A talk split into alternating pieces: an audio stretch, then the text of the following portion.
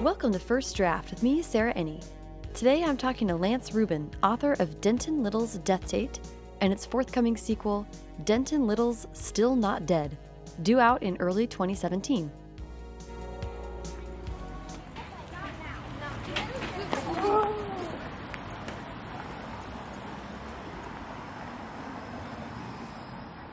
Met Lance at the North Texas Teen Book Festival, where he was thoroughly charming on a humor in YA panel.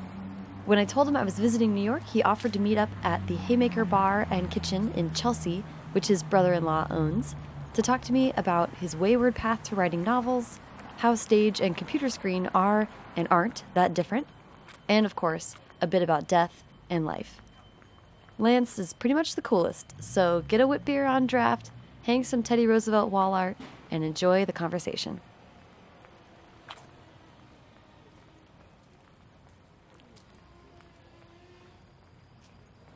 Okay, there we go. Okay, so let's start with where were you born and raised? Um, I was born and raised in New Jersey, Mm-hmm. uh, central New Jersey, a town called Matawan. It's a good town. It's like Good about, town. about an hour from New York City, kind of near the beach as well. Yes. It's like 30 minutes from the beach. Uh, Which I think is an amazing double, like, I like that you can yeah. choose either way to go. Yeah, well, absolutely. Uh, And New, New Jersey gets a bad rep. you know, people driving the New Jersey Turnpike. Yes. They smell horrible things. They think it's a very gross state, but I think New Jersey is actually beautiful. Yeah. Um, I was near the beach. I was near New York City. There are also some beautiful farms. I did not really spend time. Yeah, I went to a farms. winery in New Jersey before. Yeah, I was yeah. like, amazing. New Jersey's a good place. Give it a shot, everybody listening, because you don't. You might not know it as well as you think you do. Yeah, Um, and I was, I was perfectly happy growing up there. that's good. Um, Was there, did you go to the city a lot when you were a kid? Um, yeah, yeah, yeah, uh, definitely. I mean, mainly it would be to see like a Broadway show. I saw my first Yeah. Broadway show when I was in third grade. I think I was a fan of the opera. Wow. And, Ooh, that's a good one. Yeah, yeah, it was good. Chandelier and everything. It's pretty cool. Um, Well, because you grew up to love the arts so much, it feels like yeah, you were so close definitely. to the world class. Definitely, and, and I totally like took that for granted in some ways. I just assumed like everybody, you know, gets to go to the city and see Broadway shows growing up, right? Because that's all I knew. But now, obviously, later I understood that like no, not everybody lives near New York City and gets to see the shows. Yeah, um, so pretty that, that was pretty cool, and then definitely, I'm sure, went a long way towards engendering that like love of the arts and appreciation of the arts. Yeah. and all that. Which is amazing. Yeah. Um, and the so um, we will get to talking about um, acting and performing, but I do want Yes. to know when you were young how writing and reading was part of your life. Yes, well, reading was definitely always a part of my life from a young age. I love books so much that, like, the joke in my family, I mean, the actual thing that happened, but the thing they still joke about now is that I slept with books. um, and I still can kind of remember that feeling if I think about it, um, of just like, I, was, I guess I was kind of worried people would take the books. It, it was like, Did you have like siblings? Was it like that well, I did? I did, but they wouldn't steal my books. I, yeah, I'm a middle child. I have an older brother and younger sister, but they they were not really a threat. I don't know what it was. It was just this feeling like I need the books close to me. Like So loving him so much. Yeah, yeah. So I'd have three or four books in the bed with me. Um, and now I have a, a two year old son who also started wanting tons of books in his crib. so I don't know if it's just in, you know, the DNA. I love that. But I love yeah, that. yeah. I think So- I, I can relate to that feeling. Yeah, like right? intensity. You're like, no, I just want to be on a pile of books at all times. Exactly. Just sleeping, yeah, and tons of books.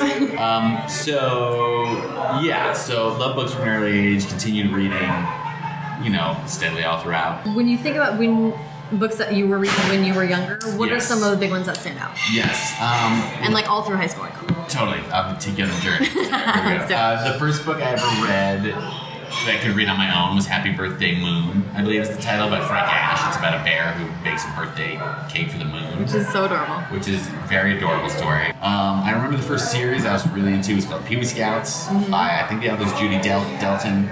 Uh, I was really into that. Co-ed group of scouts having adventures. Um, I really like the illustrations. That I might be making this up, but I think it was by a guy named Alan Tiegreen or something. Ooh. It's just really fun cartoon art that I loved. Um, the stories were great too. Uh, I was really into Bruce Coville's My Teacher is an Alien series. I'd say that's like circa fifth grade, sixth grade. Um, uh, what else did I love? Louis Sachar, like Sideways Stories from Wayside Yes. School is huge. Um, oh my god, I love Jon Scieszka's uh, Stinky Cheese Man. Yes. Fairly Stupid Tales. Oh my that was like a big book because it was just so funny. Mm-hmm. Like I think I was actually that probably came out when I was in sixth grade, so maybe a little older than the intended audience. But like I just remember me and my friends like cracking up because It was like so good. Yes. And so like I like the visuals are so strong in my Yeah, mind Lane still. Smith's illustrations are amazing. Um, I was also reading Beverly Cleary and some Judy Blume too. That was all great. And then the first like adult book I ever read was Jurassic Park. Yes. Uh, and that was in fifth grade. Um, I remember well. I just felt so proud that I was reading an adult book to the extent that I was like, I would just report back to my parents, like, I'm on this page number, on this page number, and they were very sweet to humor me, like, great. It must have been like, okay, job. all right. You know, reporting on the page number constantly, but I think it's really neat that you're that you obviously had like such supportive parents to Yeah. so like foster that. Totally. Yeah. Totally. Yes, there were bookshelves in the house. Um, my parents both read.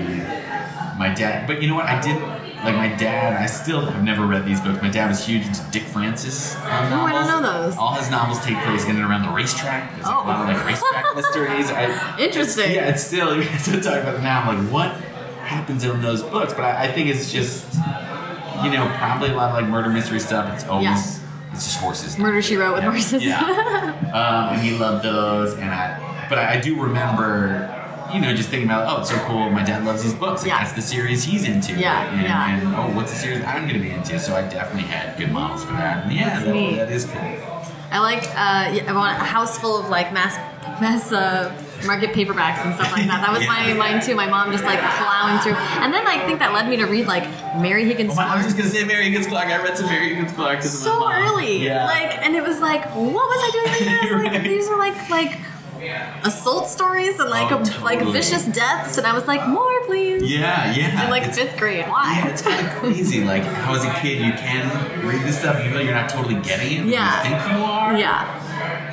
Yeah, that's so fascinating to me. That, like you don't even you're not realizing the state of how inappropriate it is. Like assuming there's no bad language. Yeah, You know, yeah. bad language is like, whoa, this is crazy. Yeah, yeah. Because I think I read by Mary Higgins Clark a book called Where Are the Children? Maybe is that? That, That sounds familiar. I just remember the cover is like this really intense, like a house with like just one mitten in, in the front lawn or something. Like God. somebody's having the children that be kidnapped.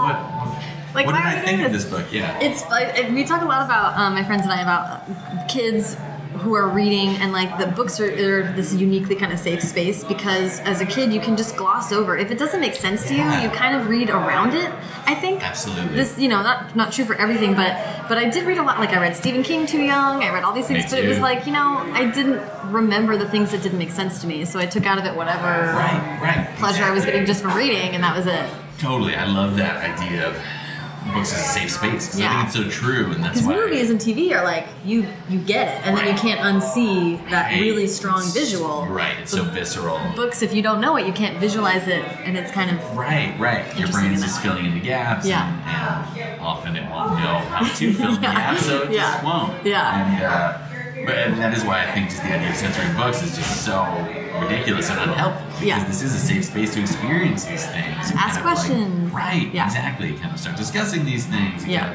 Going on a journey with a character, and you're not you yourself are not going through these things, Right. but you're kind of um, learning about them through a character, and that's Yeah. a great way to do it. yeah, totally. So anyway, Anyway. we love books, obviously. Yes, yes. Everybody pick up Mary Higgins Clark and give it to a seven year old. um, so. the- I want to come back to the fact that you were reading a bunch of funny books too, because I feel like I'm Yeah. really interested in that. Yeah, but totally. um, I want to know what else. Obviously, um, as a young adult, you were getting into acting too. Right, yes, yes. I. So my journey, I should say, getting to be a writer is, is really interesting because I always thought I was going to be an actor. It was like, you know, from the time I was six, I was just like, um, I, I like to say, and I think it's true that it started when I saw Back to the Future. I just loved that movie, even as a six-year-old. Um, and I love the character of Marty McFly. That was the coolest, Yeah. you know, character of all time. And like I thought that was what it meant to be cool. Um, and I loved it so much that I would uh, daydream on the school bus about being Marty McFly. Um, and well, actually, you know what? The daydream was more specific than that. I, I this is before the sequel came out, and I wanted to play Marty McFly's son in the sequel. Um, so I'd be daydreaming about that. It was never like I never actually came up with a plot for what the movie was. It was just kind of like me as Marty McFly's son, like walking around holding a skateboard. and I would just hold the skateboard cool. because I wasn't actually yeah being cool, being so cool, uh, holding onto the back of the trucks while I skateboard. Yeah. Um, so, so right, so that planted the seed of like, oh, I want to be an actor, I want to do this, and then come like third grade, fourth grade, I actually had some performing opportunities and like community theater stuff in school, and, and then I really liked it. That like Yeah. confirmed it for me. I was like, oh, I like being on stage, I like performing. Mm-hmm. Um, and so then I was doing that. I was in, you know, high school musicals. I went to a performing arts summer camp called French Woods for six summers. Uh, always doing shows. But then I was still doing some writing stuff along with that. Like I wrote for the high school newspaper, Husky View was, was the school paper, um, and I wrote for the entertainment section. You know, I wrote some movie reviews. I, I gave Toy Story 2 a really great review. Um, you guys Bold should check it out. Yeah, really, really controversial at the time. Um, and then I also had this humor column that kind of, you know, had been passed down along the years when someone graduated and they found something new to write. It was Yeah. called Random Thoughts.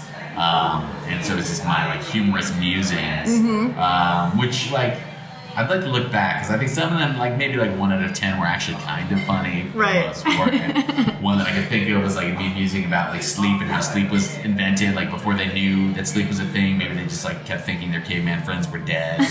um, really cutting stuff, Sarah. Um, so, so yeah, so writing was always kind of in the picture, and also I should say at that summer camp, um, I did some improv stuff. There would always be like an improv kind of class or whatever it is called in summer camp, elective um, that I would do, and that always appealed to me. So that was kind of like the first, you know, improv I see is like acting plus writing. You Yeah. know, you're like acting, but you're writing on your feet while you're acting. Yeah. Um, and so that always really appealed to me um, and my, you know, creative sensibilities. Then I went to college. In college, Well, wait. You were Oh. you were in high school also writing and like recording skits and stuff with friends, Oh yes, you? yes, yes, yeah. yes, I totally was. I totally, you are you have ESP. Know. um, yes, in high school, I also write another form of writing was like writing these comedy skits. Yeah. Um, specifically, me and my buddy Zach would you know take a video camera, one of these huge video cameras at the Yeah. time, and make these stupid videos.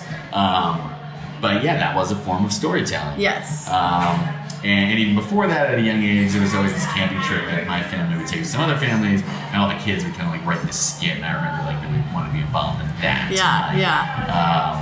Um, so yeah, even even though I was in the stream of being an actor, writing was always kind of happening alongside that, but in this way that I didn't even fully realize Yeah. how much I was enjoying the writing part. Right, and I think it's so neat because my like my view of writers is that we're all total control freaks, and so I feel like there's the stereotypical thing of an of an actor like wondering what his motivation is or whatever, but Right. you you really wanted to be a part of creating this thing and know Yes. what you were performing Yes, and why. And, and you saying that is so spot on because cut to many years later, I got out of college and I was like, you know, okay, it's time to like start an acting career, Right. like do this thing Where did you Where did you go to school? For? Uh, I went to school Brown. okay. Uh, And were you studying Rhode Island. acting? Yes, I was like a theater arts major. Okay. It's like liberal arts school, so I was doing lots of other stuff too. But, Yeah. but definitely acting was a huge part of what I did there.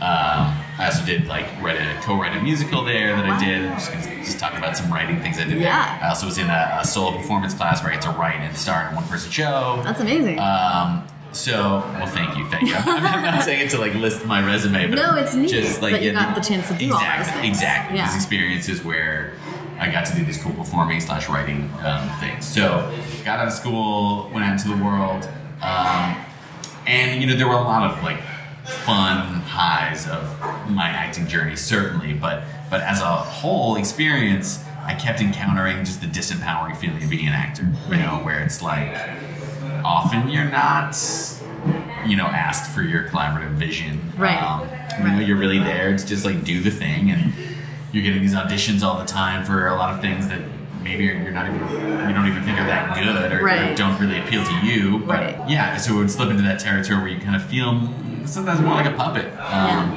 you know the best acting experiences are great where you do feel like you can have a voice in the experience Yeah. and open to collaboration Yeah. um, that's wonderful and I, I still love performing so much but I, I kept hitting that disempowering feeling of like why am i getting so worked up about trying to like get this part Right.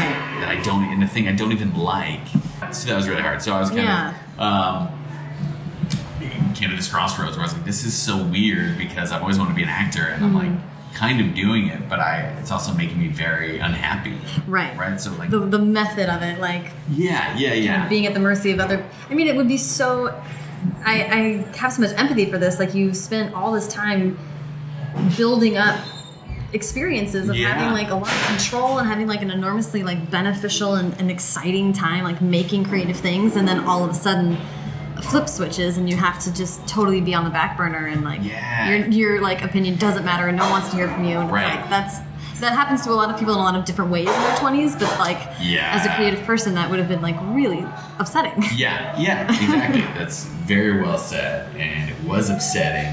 Um, and my best experiences acting in my 20s post college were things that I was involved in, you know, collaboratively. Yeah. Be it um, a comedy show that I wrote with my friend Ray called The Lance and Ray Show that was, you know, kind of a la Mr. Show. um, It was an HBO show from years ago with David Cross and Bob Odenkirk. Um, so we had successful runs in that at the UCB Theater, Mm-hmm. Upright Citizens Brigade, um, and that was great. That was like so fulfilling, so enjoyable. Yeah. Um, and then there's this musical theater writer, Joe Iconis, who's now also one of my very close friends, who I, I met right after college because I got put in a reading of his, and um, and I went on to act in like tons of stuff with him. I still actually do perform in concerts of his music um, because I love what he does so much. But also in those acting experiences, it was the more collaborative thing that I was talking about, where it's like, oh, like the creators here are open to what I'm doing as an actor, and like if I have an idea for maybe like a different thing to say here, you know, as long as I'm being respectful about it, Right. I'm not trying to like change every line in the script, but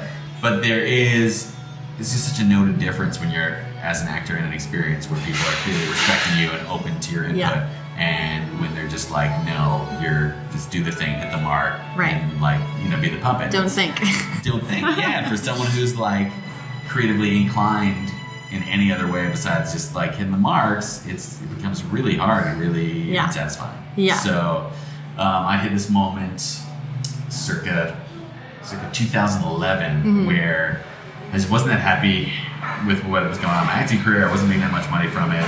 Um, and my agent basically moved my acting agent moved on to a different agency and didn't take me with him. Hmm. And then so i just didn't have an agent anymore. And then my manager who i'd been with for a few years was like yeah and i think we should reassess our relationship too. So Ouch. yeah it was just like it was rough but at the same time i was kind of relieved mm-hmm. um, because i was like oh good this isn't working. I mean it totally sucked. I was Right. devastated but, but I, I felt like, oh God, I'm so happy not to have that agent and manager anymore. And then I was like, why am I happy? Like I'm trying to be an actor, and now I'm happy that I don't have representation. So it was all very confusing. Um, Just Yeah. it's so tied my identity into like I'm gonna be an actor. So it was like, what am I doing? Um, around that time, I read The Hunger Games. Have you heard of it? um, and I, I loved it, and was like, oh, this is so fun and so story driven. Um, and then I'd had this idea bouncing around in my head for a couple years that I thought maybe I'd write as a screenplay, which I never did anything with. And then I was like, maybe I'll take that idea and you know age the characters down. I thought they'd be in their twenties. Like maybe I'll make them teenagers and I'll just try writing this as a YA novel. Like I Yeah. feel I don't know if I could do it, but I feel like that'll be a fun creative thing to try. And Yeah. I'm feeling so sad and creatively disempowered that like, what do I have to lose? Right, right, Um, totally. uh, this, just like to get a little background on it, because I'm really curious about why uh, you thought about ha- making it a teen story. Like, what was Yeah. your relationship with teen stories to that point? Like, how much did you really know about YA? Yes, yes, yes. I um, well, I always loved teen stories. I love teen dramas so much. Yes. Dawson's Creek, so every episode. uh, Dawson's Creek, Felicity, and the OC. I would say are like the big, the big three Yes. of my life. Huge. Uh, yeah, love this, love this show. like Beverly Hills 90210, I was in, you know, watch two, and I was a little younger then, and I Mm-hmm. couldn't quite connect um, as deeply as I did with these other shows. Yeah. So I always loved those. Um, to the extent where I actually, when I got out of college, I created this improv show that was kind of a tribute to teen dramas. Um, it was an improv comedy show, but it was an improvised teen drama where there was nine of us in the group. We all played the same characters every week. It was an ongoing story. It was continuous. Um, instead of the OC, it was called the NYC. It took in New York. Um, and uh, meanwhile, as far as YA went, you know, I had read all these books I mentioned earlier. Uh, and then I, I obviously loved Harry Potter, and I said obviously because everyone should and everyone does. Um, So you've been you've been like keeping up with it, kind of like yeah, but Hunger Games is definitely the first kind of. You know, I feel like Hunger Games, in a way, does mark the beginning of this new era. I, mean, I guess Yeah, Twilight Hunger Games and did Twilight, Too. I yeah. did read Twilight. I won't talk about that anymore. Um, but I, I was really into the Hunger Games. Yeah, that kind of opened my eyes. Like, oh wow, there is this kind of like thing happening. Yeah, and in a Um, way that's like I think I think the new wave of, of YA is a lot more can be a lot more reflective of what, what we love about the teen dramas. Like Mhm. there is some stories that are fun and contemporary and kind Totally. of have that vibe going. Yeah, yeah, completely, Mm-hmm. completely. And I didn't even mention this, but maybe it goes without saying that my dream was to be on a teen drama. Really? uh, as an actor. Oh yes. So when I got out of college, I was really hoping, like, Yes. like oh, I would have loved to be on the OC. That was Oh like right when I got out of school, circa 2004. Like to be on the OC would have been like The dream. the dream. and of course, if it actually happened, then I would have been like, oh, this is it, and like probably immediately like dissatisfied. But um, but yes, I wanted to be in the OC, and that was part of what drove me to create this improvised teen drama. Um, and then as I was like starting to age out, I was like, oh, maybe my dream is like to create one of these teen dramas. Um, and then so then even though it was like a weird thing for me to suddenly think, oh, let me try and write a YA novel, it also wasn't because I've been thinking so much of like teen stories in that world, just not Yeah. in the YA um, vein necessarily, Yeah. but like it, it was not a foreign thing for me to be like, oh my god, the same thing I love about these teen dramas and the same kind of you know connection it, it gives me to to that to those teenage years. Yeah, yeah. Um, like me just write this in a book and it's great and I can do that right now and I can sit in a coffee shop. It's like it was the ultimate empowering creative act Yeah. because you can just you just need a computer or you just need a pad and a pen, you know? Yeah. It's an amazing thing. Yes, that's what I was gonna say. Is like um, living in Los Angeles. There's a lot of people that I know who are like who are writers, but who are doing other things too. And like, Yeah. you have to be asked to act. Like you, You can't do, just yeah. act in your house and like and have anything come of that. And Right. writing is is such a powerful thing because no one has to ask you to do it. You can do it whenever you want. Anyone can do it. It's like great. Yeah, it's amazing. Yeah. It, really is. Like you can't um, overstate how, how wonderful that is. Yeah. Um, and that, that is why, honestly, my advice to all actors, if any actors are listening, is really to try and embrace your writing side. Mm-hmm. You know, because the more you can be creating material for yourself to act in, Yeah. or the more you can just be you know, building up your own confidence by and, and flexing your creative muscles in other ways, Yeah. it's just it can only be helpful. I um, listened to an interview with Judd Apatow, or maybe it was with Jason Segel, and anyway, it was like talking nice. about the Freaks and Geeks kind of crew Yeah, of kids. yeah. And I guess after that show ended, like they kind of obviously were looking at Judd, like, what do we do? And he was like, honestly, if you want to have careers, you have to write your own movies. Yeah. And that's like what That's they all did. out pretty well for pretty much all of them. Yes. Uh, Freaks and Geeks, another. I mean, that's kind of transcends teen drama because it's its, It's own so amazing good. thing. Oh Another my show God. I love. Yes. And I also want to add Buffy the Vampire Slayer and Yes. amazing and hugely influential. Yes. So, Uh, so tell me about what the idea was, and then how you kind of created Yes. it into the, the story. Then. Yes, yes, right. So the idea was so this is this is the novel that is out on the shelves now. The, the one, the only book I've written um, that is out called Denton Little's Death Date. Mm-hmm. And so the idea I had when it was just a screenplay was really just me. You know, I just I think about time a lot, and I, I think about death a lot sometimes too. Mm-hmm. And I, I just kind of, you know, with time, I'm always thinking. I think in terms of like, oh, what happened a year ago? What happened two years ago? Where was I three years ago? What happened? Mm-hmm. Oh, that's so funny. It's been two years since we went, did that thing, or this, whatever. My brain just kind of works that way. So Mm-hmm. At a certain point, I think I started thinking forward, like, oh god, it would be weird if you could like know when you're gonna die and be able to kind of like, you know, plan and inventory your life Do that. that way. Apply that yeah, same do that same thing. Like, oh, I'm gonna die in three years. What am I gonna do? Okay. Yeah. Um, so I had that idea, just like, oh, it would be interesting to know my death date. And then I kind of thought, oh, what if it's like, what if that, what if we all know our death date? You know, Mm-hmm. what kind of society would that be? Would that change things? Would that not change things? Um, so I had that idea, and then it was just going to be a protagonist who was dying tomorrow. Right. Um, that was pretty much all I had, and then I kind of came up with the title. I was like, oh, I was going to be Denton because I don't even know why I thought I just liked the name Denton Little, and then Denton Little's death date, right? So for two years, I just like I've got this like one line premise, and you know that that title, and just, just holding on to it. I'm thinking maybe oh maybe I'll write the screenplay and act in it, and maybe uh, you know my best buddy Ray, who I do the comedy show with, maybe he'll play the best friend. whatever. So it just sits there, nothing happens. And then when it comes time to, you know, write a YA novel, Mm-hmm. and I decide I'm going to do that. Um, so then suddenly the, the characters are teenagers, Mm-hmm. and Denton is like it's his senior year, and graduation's approaching, but his death date is before then. His death date is actually the same day as prom, Mm. and so suddenly it, it instantly felt like a more heightened idea too. Yeah. uh, as Right. teenagers, and I was just like, oh, that's that's so much better than a character in their twenties. It's just like what a, what a crazy thing to be ending your high school experience and your life at the same time. Yes, yeah. What does that What does that mean? Um, and then it just kind of spun out from there. But the the best friend character, Den's best friend, is Paolo. Um, is you know the foundation of that character was my friend Ray, Mm-hmm. and so the banter we had in our sketch comedy show kind of. Even without me meaning to, just kind of went into the pages of the book. Yeah. Um, okay, wait. Before we get too far down there, because Yeah, I want yeah. to talk about the humor separately, but Sure. I do want to just like harp on like the brilliance of this concept because I think it's so great and Oh, like thanks. it, it did like what I think. Oh, when I was reading like about it and thinking about it, I was like, this is so brilliant because it really does like. I love writing about senior year of high school because it's this like insane moment of like the it's the first big end of a thing Yeah. like in your life Totally. and at the same time that it's also the beginning of everything kind of exciting so it's a really weird crosshatch of like all these feelings and it's really really poignant Yeah. so to like to then like bring the death day up and like heighten it even more i was like this Right. is just so smart but also like sad like when, Yeah. you, when you get into that mindset you have to be like kind of playing with a lot of stuff that's tough to think about yeah, yeah, totally. what was it like to spend time in Um, denton's head Yeah, it was. It was good in a lot of ways because it really did make me present in my own life and made Mm-hmm. me feel like, oh my god, I'm glad I'm not dying tomorrow. It, just made, it couldn't Right. help but make me appreciative um, of, of my own life.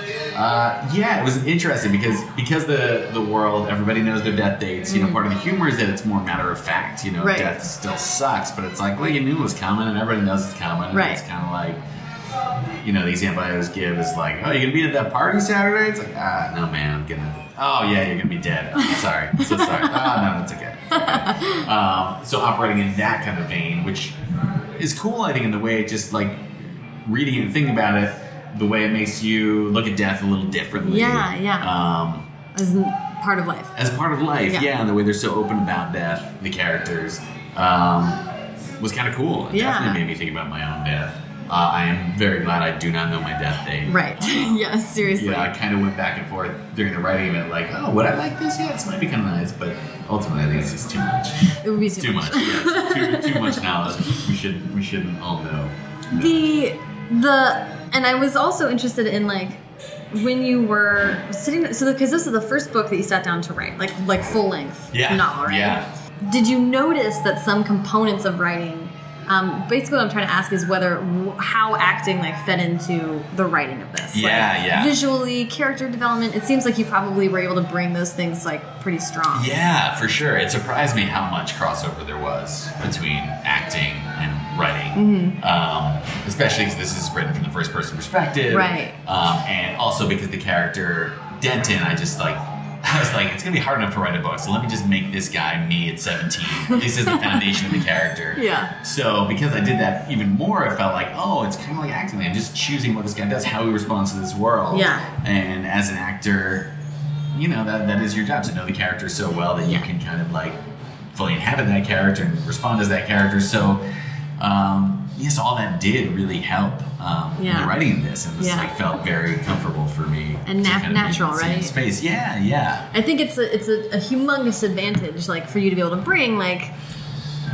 It's it's neat, like as a starting writer, like then everything's hard. so I feel like Right. you had like honed some skills like so much. Totally, totally. Yeah, it's just it, it is really cool to think back, you know, to look back at what I'd done leading up to that and how never would have predicted, oh, I'm going to start writing YA novels, you know, when I'm 30. But uh, but then when you trace it back, it's like, oh, this doesn't kind of make sense. Yeah. Like you know, Yeah. That's the cool thing I think that you can follow tracing anybody's Totally. path. You know, where it's like it goes in unexpected places, but then there, there are kind of patterns, and you realize like, oh, like. This, this is not the craziest thing. not It's all kind of switch. building, which I think can be similar for you for humor writing, because it sounds like from the very beginning of writing anything, it was comedy type stuff. Yes, totally.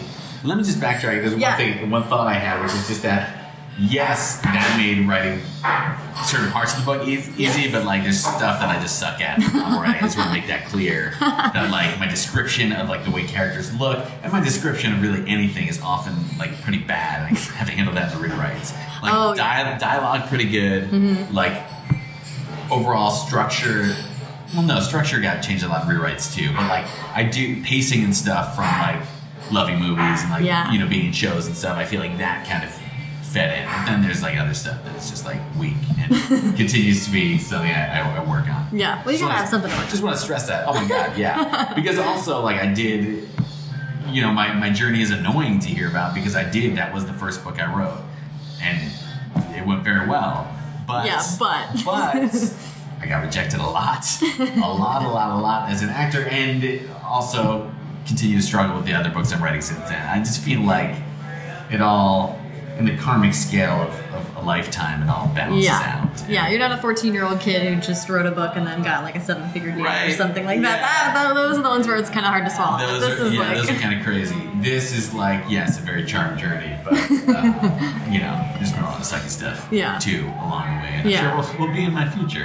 um, okay, but yes, but talking about humor, Yeah. um, Humor writing is not um, easy, and, and for a lot of people, it does not come naturally. But then Yeah. I think for some people, it's like you can't help it. Like Right. that's kind of how stories Right. occur to you. Totally. And yes, I had been like just into comedy Mm-hmm. from such a young age and like making these comedy skits. Like, Yeah. yeah, I just I'm attracted to that stuff. Mm-hmm. I like to laugh. I like to you know think about what's funny about life.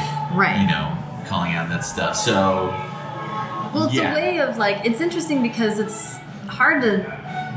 It's there's not like a word for it for what I'm trying to say, but it's like it almost is like a genre of writing because it's a lens on everything. Like Right. humor can sharpen pain, and it can you know it's just a, Yeah. like a way of making other things. There is there's no comedy without darkness, and so it sort of totally. enhances that stuff. Yes, well said. And I can't like whenever it's time to talk about comedy, I can't even fully. You know, there's certain parts of it that I can kind of be like, oh, that's why this is funny, and that's why this is funny. But it is, as Mark Twain said, it's like poking a dead frog. um, you can't really, uh, but it's just hard to actually like think about why. You know, why do I tune into what, what's funny, or like why do I Right. think what's funny is funny? Right. Um, to even know exactly what I'm doing when I'm writing Right. you know, funny stuff. Yeah, but did you Uh, know with Denton that you wanted the story to, con- to contain humor, or were you? Yes, Okay. yes, yes, yes, yes, yes. I mean, absolutely. Like the Hunger Games, I love, but I was like, wow, there's like no jokes in that thing. It's pretty relentless. yeah, it's so dark as, as it has to be with that story. But I was like, very much when I was, I, I want to write a YA book like that that is story driven and fun, like the Hunger Games, but like is funny. Mm-hmm. Yeah, So yeah. that that was my hope. Um, Well, I think it's very needed. There's not a lot of. Um, there, there definitely are funny YA books out there, but Oh, there's yeah. not like a ton of them. And There's not a ton. And like No. books that make you laugh out loud are like gen- in generally not that common. So I feel like Right. it's very welcome to have YA books with a great sense of humor to That's them. nice. Yeah, no, I do.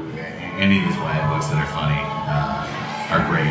Yeah, it's an interesting nut to crack too because you know I was just talking to my editor how, how the first book you know sold fine, it Mm-hmm. sold fine, but not as well as they'd hoped, and just you know, then my editor saying how a lot of times YA that's funny doesn't sell as Right. well. Like middle grade funny stuff does sell, but YA doesn't. And so then thinking about that, like why would that be? Is it Yeah. like teenagers are more attracted to darkness, but like as a teenager, I love to laugh. Don't teenagers love to laugh? So it's, Yeah. it's I, I really like thinking about that, and trying to understand why, if this is a true statement that funny YA doesn't sell as well, Right. is that actually, you know, is that a real thing, or is that just something we've decided? Because Yes. you know, is that like a false equivalency or something that we've Yes. we've, we've drawn from the, the information? Yeah, I think that's Yeah. a good place to start. Yeah, I think there's yeah. a lot of publishing truisms that are like, actually, I think we could look at this again. Like, Of course, and that's any, any like entertainment industry stuff. They're like, Yeah. you know, because teen Whatever. comedies, like, there's that's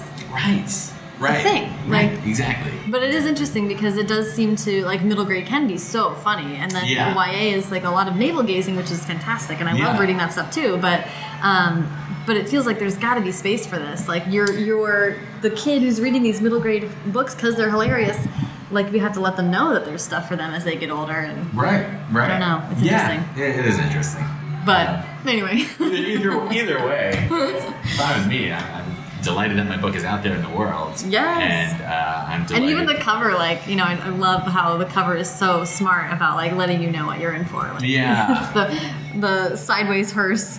It's it's really clever. So I thought that was awesome. yeah, props to Angela Carlino, cover designer. Yay! Yeah, doing a great job. Um, so okay, the other thing that I wanted to sort of bring up and like transitioning a little bit into book two is that is like we talked a little bit about this at the North Texas Teen Book Festival, but like Denton puts a little bit of um, the spin uh, on contemporary that I think has been happening a lot lately, which is like ninety percent contemporary and ten percent a little bit of something else that Yeah. like helps heighten it, and Yeah. it's almost sci-fi or whatever. This like Right. spec fic element of knowing your death date. Um, and and uh, I love stories that are doing this, and I think it's super fun.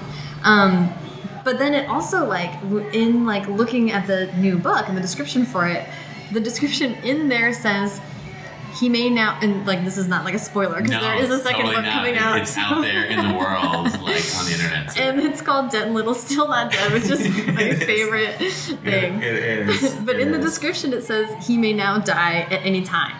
right? and I was like, it really was. It like struck me so hard. Even in the description, I was like, wow, really, this book is so effectively, like that is true for right, all of us, right. all the Isn't that time. Crazy. It's so funny. I just saw that description for the first time like a couple days ago too. So I'm, I haven't talked with anybody really about it. Um, but yes, yes, I had that that same feeling. It's like, oh yeah.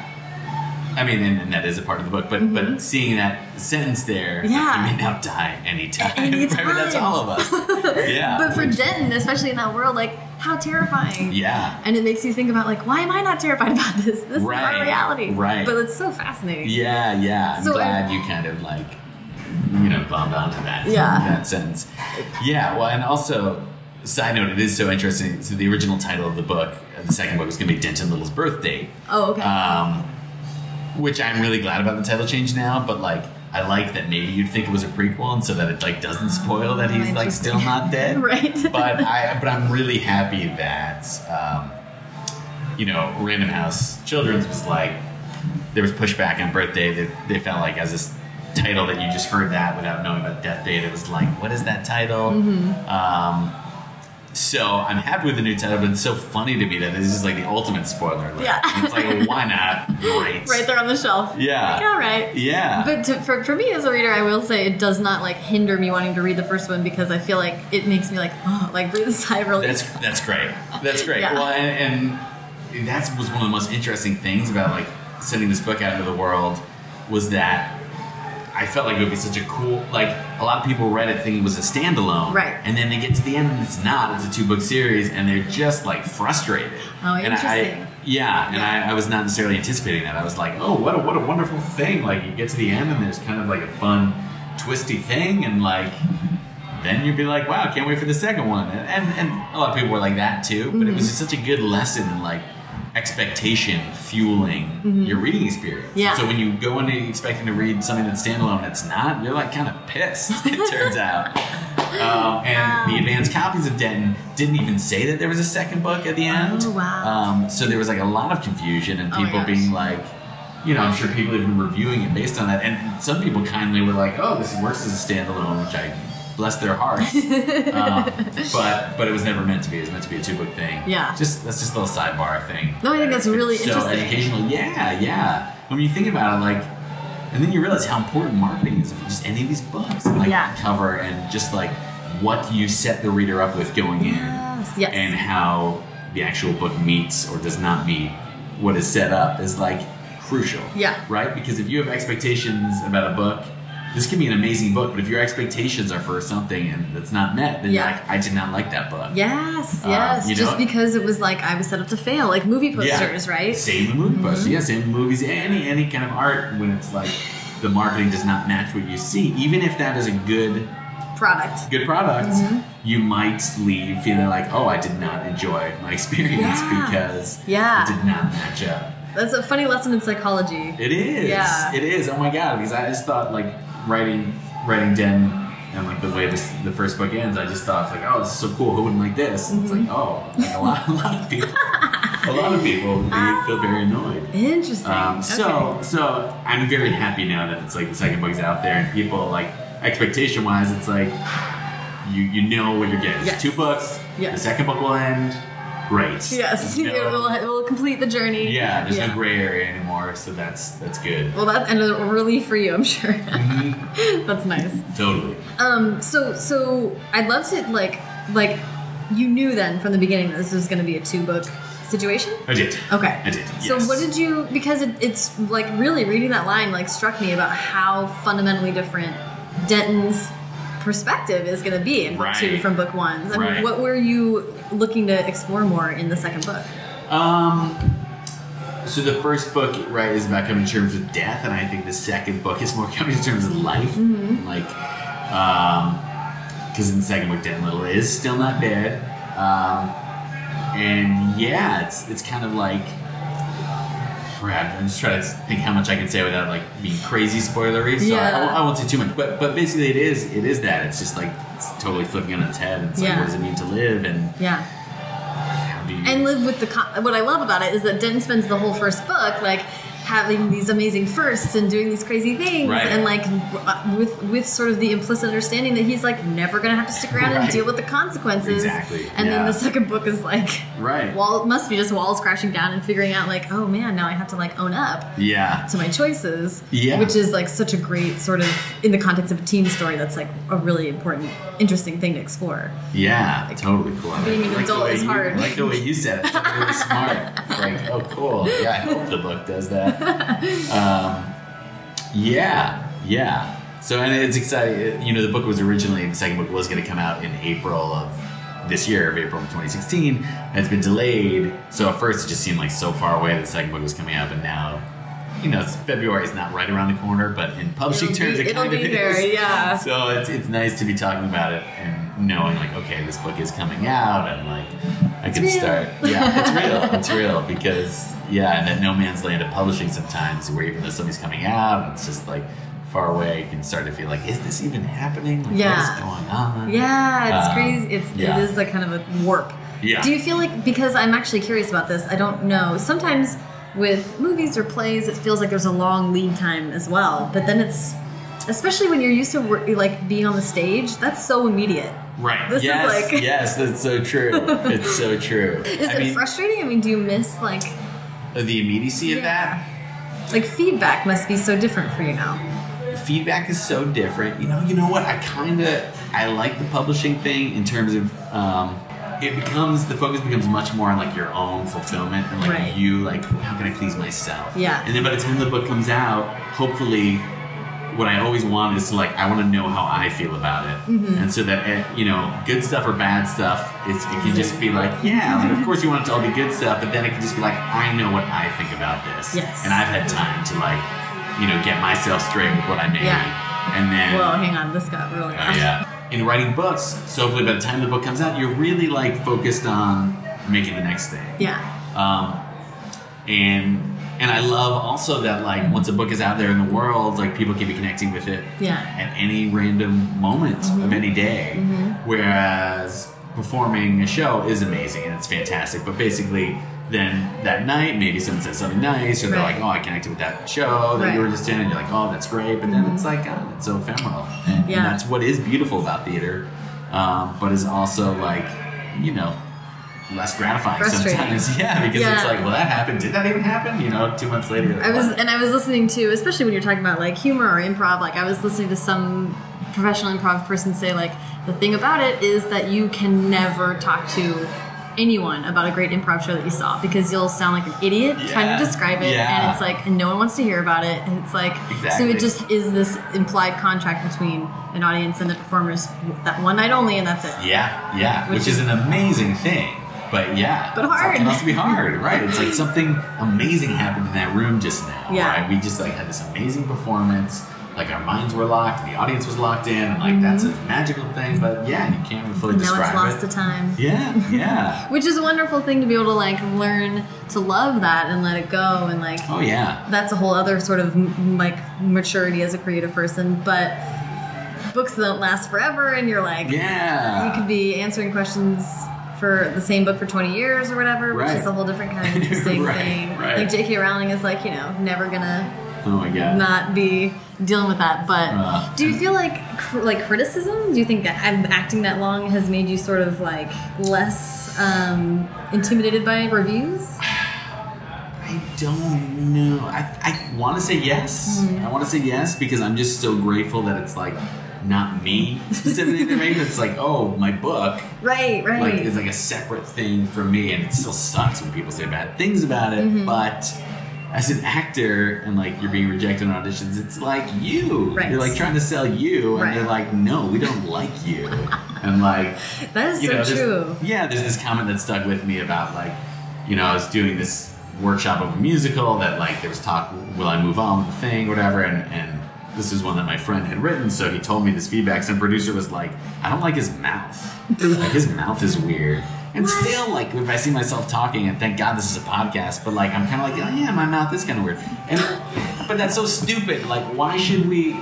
You That's know, insane. And so I'm just so happy not to have to think about stuff like that. Um, Yeah. you know, I don't know. Like, I really stay off Goodreads now. It's just I don't even think to go there, which I'm very pleased Yeah. with. It's great site, Goodreads. I'm not knocking Goodreads. It's just like not. It's not for healthy. authors. Yeah, it's not healthy for me as an author. And, Yeah. Um, but you know, sometimes there, I have caught some reviews that are just like, "This is not funny." Like, why do people say this is funny? This book, it's like not funny at all. And that really doesn't bother me because funny is just like a sensibility. So it's like, oh, well, the book wasn't for you. Yeah. Because you don't think it's funny. Right. I'm trying to, and I'm not totally successful, but trying to get more in that headspace like not Yeah. looking to those things Yeah. for to lift me up. Yeah. Um, because it's just nothing good can come of that. No, and I actually I think I, that's really um, well put. How you're saying like, with all this lead time, like the best thing you can do is then on pub date like know how you feel about your Yes, book. yes, not be like, what are they gonna say? Yeah, yeah. Because if they say it's good, I'm gonna feel great. If they say it's bad, I guess I have to go kill myself. Uh, Yeah, because it, I, I just don't think helpful. no, and not a good way to uh, set yourself up. Yeah, so you know, yes, pros and cons of the long lead time. Yeah. that's how I That's choose to approach it. Yeah. Um. Uh. The oh yeah. So well, what um what is next? You were talking about having time to move on to the next thing. Yes, yes, okay. Let me tell you what's next. right, so this book, this second Denton book, obviously has been done for a while. That's coming out in February. Um, I have co-written a musical. Ooh. Um, yes, with uh, close friends and collaborators Joe Iconis and Jason Sweet-Tooth Williams. Um, it's called Broadway Bounty Hunter. and There's a production happening this summer. this is about a veteran musical theater actress who's having tough times, and through a series of events, she gets pulled into the world of bounty hunting and goes on a mission to South America to capture a drug lord. Um, This is amazing. uh, yeah, I'm glad. I'm glad it sounds amazing. Um, yeah, it's happening at Barrington Stage, uh, which is in Pittsfield, Massachusetts. It's going to happen in August. So That's if you're rad. in that area, you should go see it. Um, so that's cool, and that's exciting. This is the first time I've been like on the other side of working on a musical. So are you? You're not going to perform in it? I'm You're not just, in. No, Okay, not you're in just it. writing it. Yeah, just just cool. writing, which is super cool. Yeah. Um, yeah, we like had a, went through the whole casting process. I was like on the other side of Ooh, the interesting. you know audition table, you can see just how arbitrary sometimes it is. Why an actor gets or doesn't get a part. There's Mm-hmm. like so much more happening. So actors don't get so hung up about what happens. if I learned anything Yeah. from that, it's like you just got to do your thing and let the chip fall where they may. Mm-hmm. Um, but yeah, so that's really exciting. Um, then I am. I've just actually finished up a draft. I think I can share. Yeah, I can share. Finished up a draft of the Denton screenplay. Ooh. Yes, no one. There's no like official plans Amazing. for that to actually be made yet, but I am hoping that maybe there can be now that I have a draft screenplay. So that's been cool. Yeah, that's kind of Um, the thing. I think I've talked to a few people who have done that, and almost just like, if there was interest, I'd want to just be able to show someone this. It's Yeah. kind of like the why not have it Totally. kind of situation. Totally. And like Denton, like the concept of it is like so. It feels like duh, like that would be such a fun movie. So Well, thank you for saying it. For all the nice things you're saying. Very, very kind. Um, Well, that's fun. And then I've been working on another novel that's not bought yet. That's just a standalone thing. Cool. Uh, yeah. yeah. that's We- exciting. So you have a lot of different stuff you're working on. a lot of different stuff.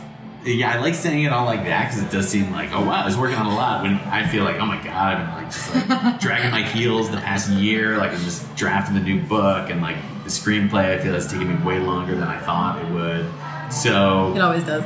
It always does. But then it's nice to say it like, oh yes, look at all these things. It's like, no, you should see, you know, what a procrastinator I am and like how bad I am at this. Nah. Nah. Um, the other thing I just want to ask about a little bit, really quick, and then we'll, we'll wrap it up with advice. Yes. Is that, um, of course, I'm interested in the, uh, you're doing interviews and podcasts. Yeah. Which is really neat. And Yeah, I, I just would love to hear about how that came about for you. Yeah, well, let me just say this: it's delightful to be on the other side of it. It's so Yeah. fun.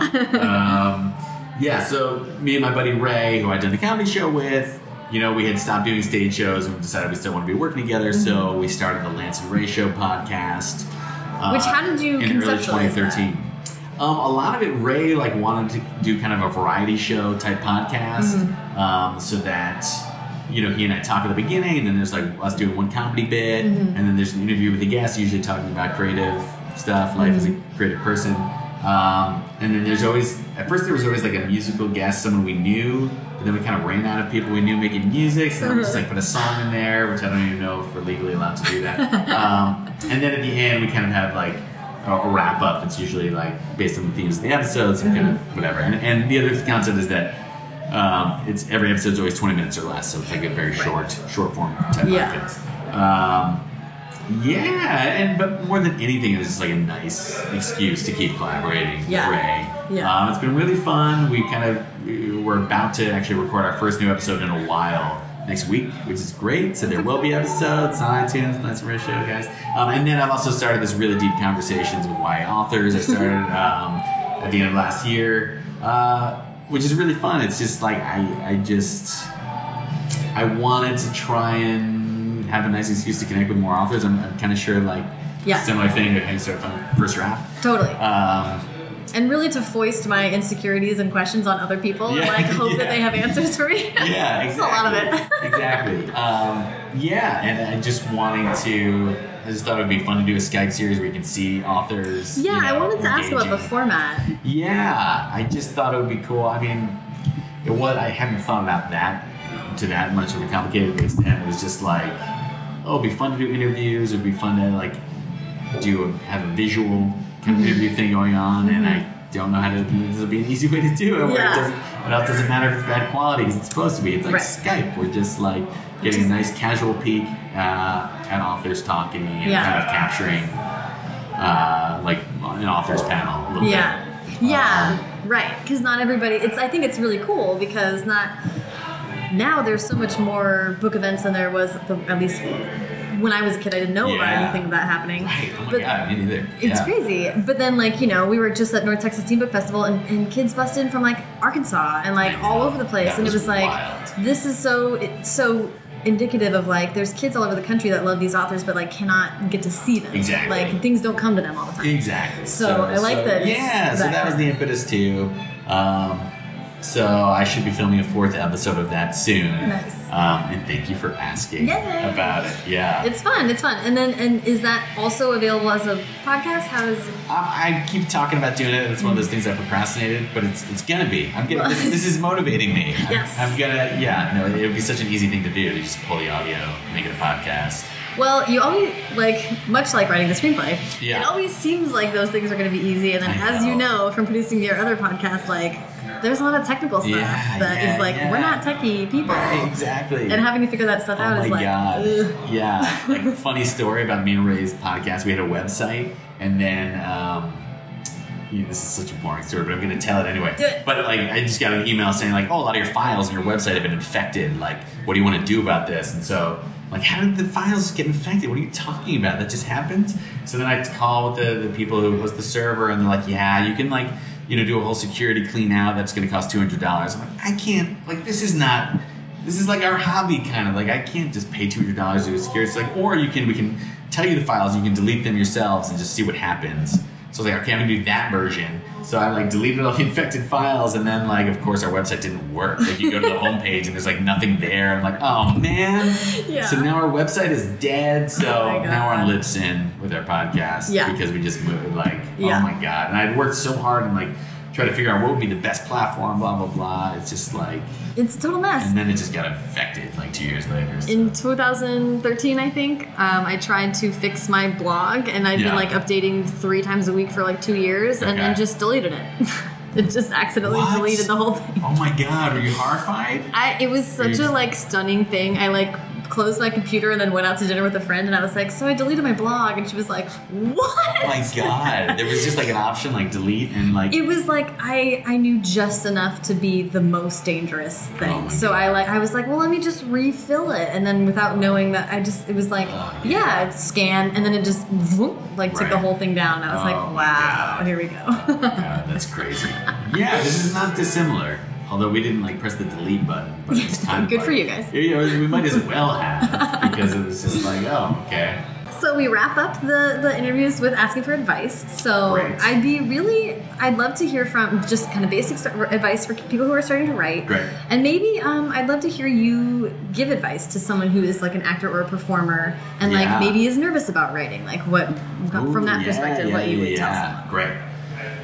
Well, what I would say kind of applies to both, which is, you know, I'm I, I'm such a perfectionist, and so that is so unhelpful. Um, I, I just feel like you have to. Okay, first of all, let me name some of my favorite writing books. Yes. Bird by Bird by Anne Lamott, fantastic. Um, On Writing by Stephen King, very helpful. Uh, and The War of Art by Steven Pressfield, which is also just a book about like kind of doing anything creative and like battling resistance. I haven't heard about that one. It's awesome. Okay, so those are the books. Um, but yeah, so uh, with battling perfectionism, um, Anne Lamott says like write shitty first drafts, and I feel like that's just like the best advice. Like write, like as a perfectionist, I always feel like I want the first draft to come out right, no Right. matter how many times I've done it. It's like, oh, but I gotta get it right. It's like no, like everybody, ooh, loud beat.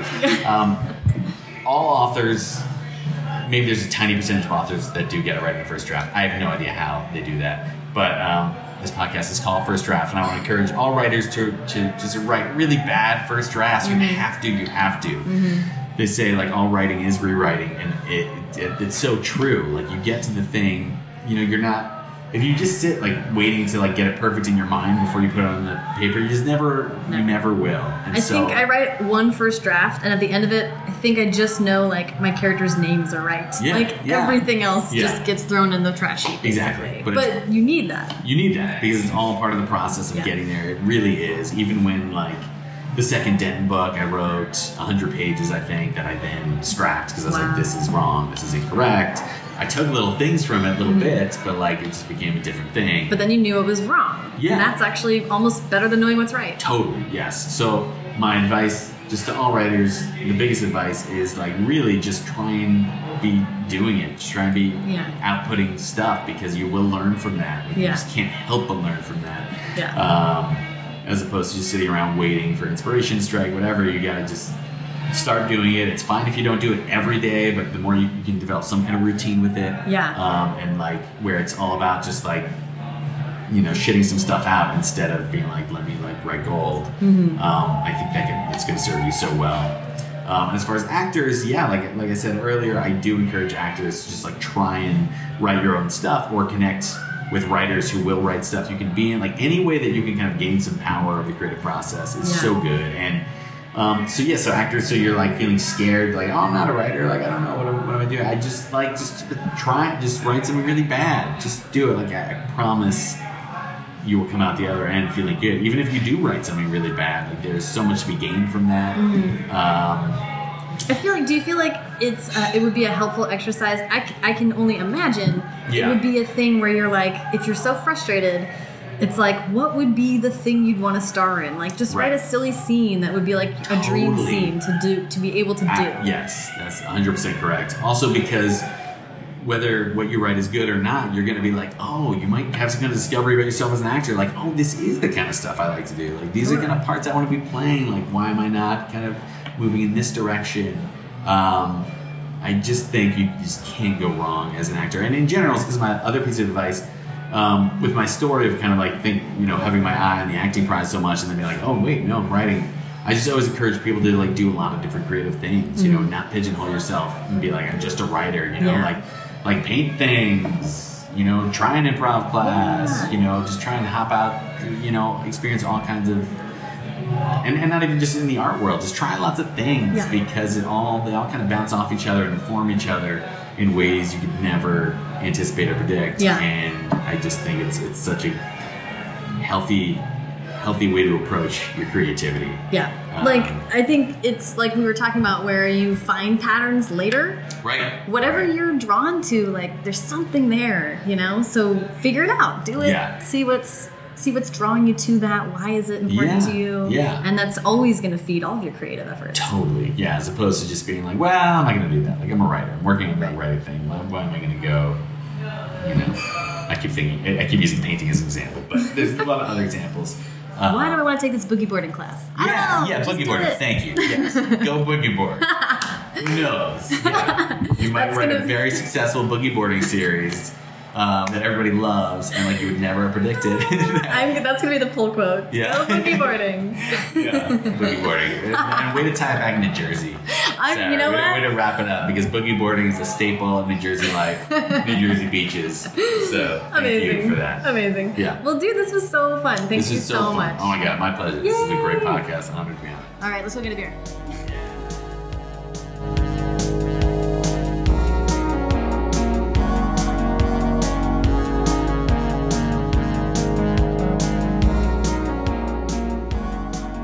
You so much to Lance.